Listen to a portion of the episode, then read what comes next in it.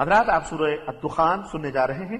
چوالیس نمبر کی یہ صورت ہے، مکی ہے۔ اس میں انسٹھ آیتیں اور تین رکو آیت نمبر دس فرتقب یوم تأتی السماء بدخان مبین سے یہ نام ماخوذ ہے۔ اس کا زمان نزول قرطبی نے لکھا ہے کہ یہ سورہ بالاتفاق مکی ہے۔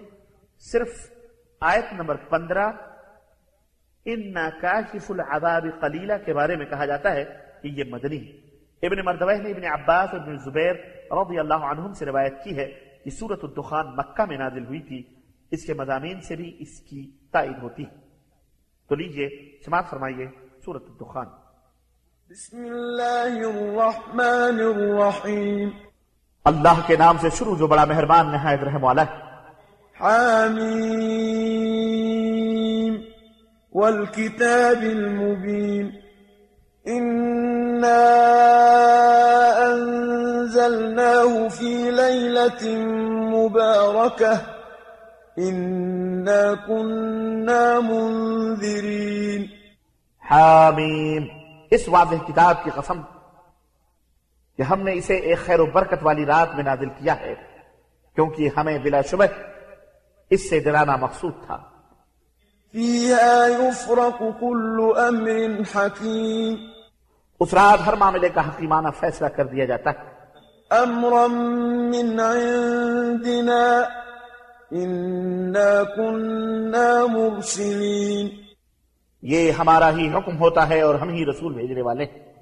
رحمة من ربك إنه هو السميع العليم یا آپ کے رب کی رحمت ہے بلا شبہ وہ سننے والا اور جاننے والا ہے۔ رب السماوات والأرض وما بينهما إن كنتم موقنين.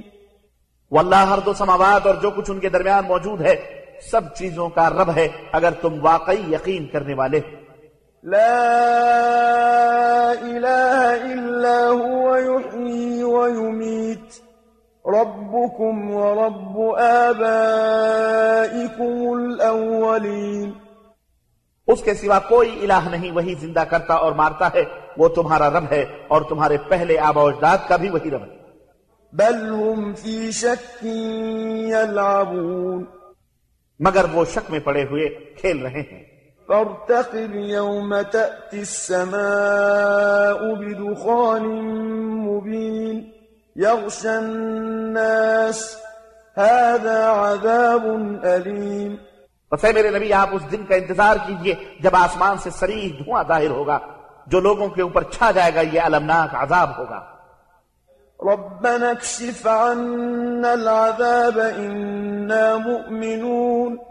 اے ہمارے رب ہم سے اس عذاب کو دور کر دے ہم ایمان لاتے ہیں۔ أنا لهم الذكرى وقد جاءهم رسول مبين۔ اس وقت انہیں نصیحت کہاں کارگر ہوگی؟ حالانکہ ان کے پاس رسول مبین آ چکا۔ ثم تولوا عنه وقالوا معلم مجنون۔ پھر انہوں نے اس سے منہ پھیر لیا اور کہنے لگے یہ تو سکھایا پڑھایا مجنو ہے۔ إنا كاشف العذاب قليلا إنكم عائدون ہم تھوڑی دیر عذاب ہٹا دیں گے مگر تم پھر وہی کرو گے جو پہلے کرتے رہے۔ يوم نبطش البطشة الكبرى إنا منتقمون پھر جس دن ہم سخت گرفت کریں گے تو پھر انتقام لے کے رہیں گے۔ ولقد فتنا قبلهم قوم فرعون وجاءهم رسول كريم. ان سے پہلے ہم فرعون کی قوم کو آزما چکے ہیں ان کے پاس ایک معزز رسول آیا۔ أن أدوا إلي عباد الله إني لكم رسول أمين۔ کہ اللہ کے بندوں کو میرے حوالے کر دو میں تمہارے لیے ایک امانت دار رسول ہوں۔ وأن لا تعلوا على الله إني آتيكم بسلطان مبين. اور یہ کہ اللہ پر سرکشی نہ کرو میں تمہارے سامنے سریح سند پیش کرتا ہوں۔ وإني عذت بربي وربكم أن ترجمون وإن لم تؤمنوا لي فاعتزلون. اور میں نے اپنے اور تمہارے رب کی پناہ لے لی کہ تم مجھے رجم کر سکو۔ اور اگر تم میری بات نہیں مانتے تو مجھ سے الگ ہو جاؤ۔ فدعا ربه أن هؤلاء قوم مجرمون۔ پھر موسا نے اپنے رب کو پکارا یہ لوگ مجرم ہیں۔ فأسر بعبادي ليلا إنكم متبعون۔ تو رب نے کہا اچھا میرے بندوں کو رات کے وقت لے کر نکل جاؤ یقیناً تمہارا تعاقب کیا جائے گا۔ واترك البحر رهوا إنهم جند مغرقون۔ اور سمندر کو کھڑا چھوڑ کر باہر نکل جاؤ ان کا تمام لشکر ڈبو دیا جائے گا۔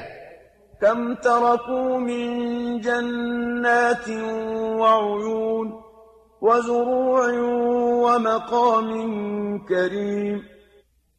وہ کتنے ہی باغ اور چشمے چھوڑ گئے اور کتنے کھیت اور عمدہ عمارتیں بھی چھوڑ کر چلے گئے۔ ونعمة كانوا فيها فاكهين كذلك وأورثناها قوما آخرين اور نعمت کے سامان جن سے وہ مزے اڑاتے تھے چنانچہ اسی طرح ہوا اور ہم نے ایک دوسری قوم کو ان کا وارث بنا دیا۔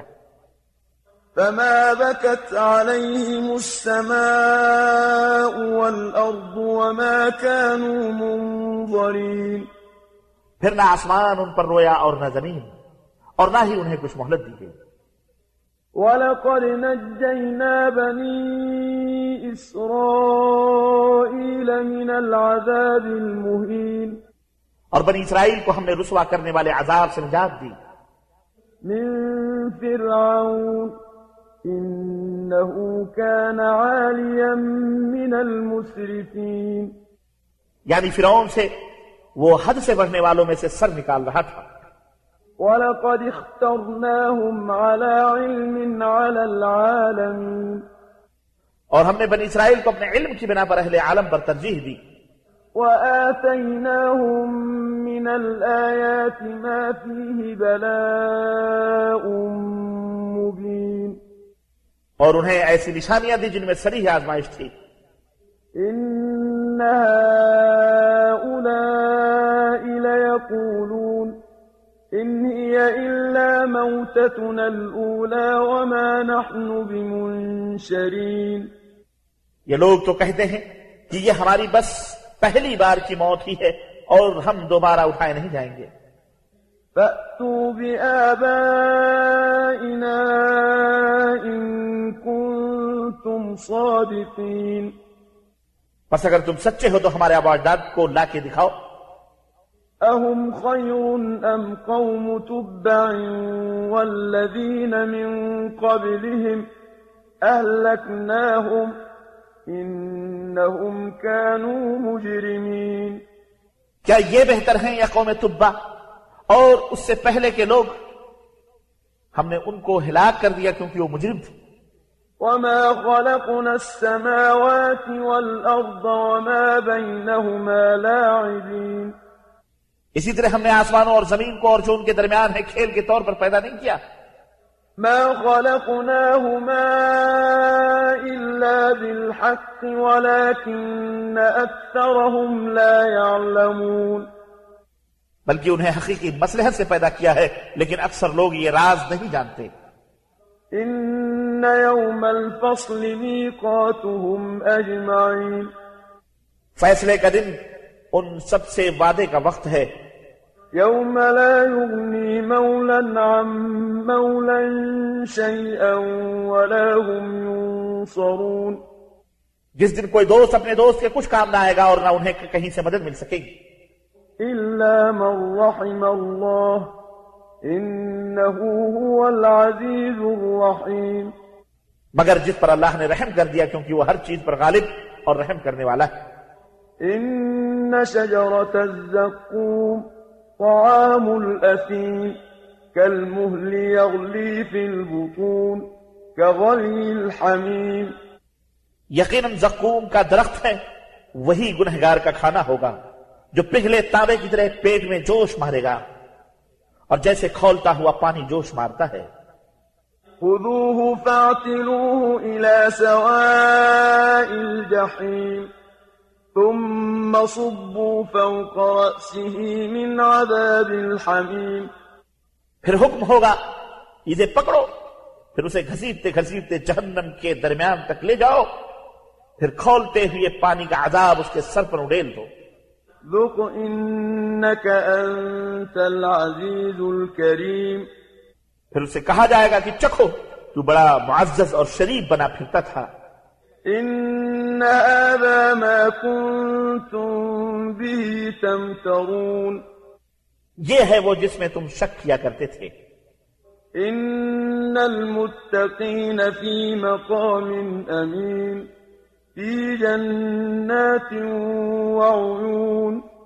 اس کے مقابل میں متقی لوگ امن کی جگہ میں ہوں گے باغوں اور چشموں میں ہوں گے۔ يلبسون من سندس واستبرق متقابلين۔ باریک اور گاڑھے ریشم کا لباس پہنے آمنے سامنے بیٹھے ہوئے ہوں گے۔ كذلك وزوجناهم بحور عين۔ ایسا ہی ہوگا اور ہم انہیں بڑی آنکھوں والی اور گوری عورتیں بیاہ دیں گے۔ يدعون فيها بكل فاكهة آمنين۔ وہ وہاں اطمینان سے ہر قسم کے میوے طلب کریں گے۔ لا يذوقون فيها الموت إلا الموتة الأولى ووقاهم عذاب الجحيم۔ وہاں وہ موت نہیں چکھیں گے بس پہلی موت جو دنیا میں آ چکی۔ اور اللہ انہیں عذاب جہنم سے بچا دے گا۔ فضلا من ربك ذلك هو الفوز العظيم یا آپ کے رب کا فضل ہوگا یہی بہت بڑی کامیابی ہے۔ فإنما يسرناه بلسانك لعلهم يتذكرون۔ فارتقب إنهم مرتقبون۔ ہم نے اس قرآن کو آپ کی زبان میں آسان بنا دیا ہے تاکہ لوگ نصیحت حاصل کریں۔ تو آپ انتظار کیجیے، وہ بھی انتظار کر رہے ہیں۔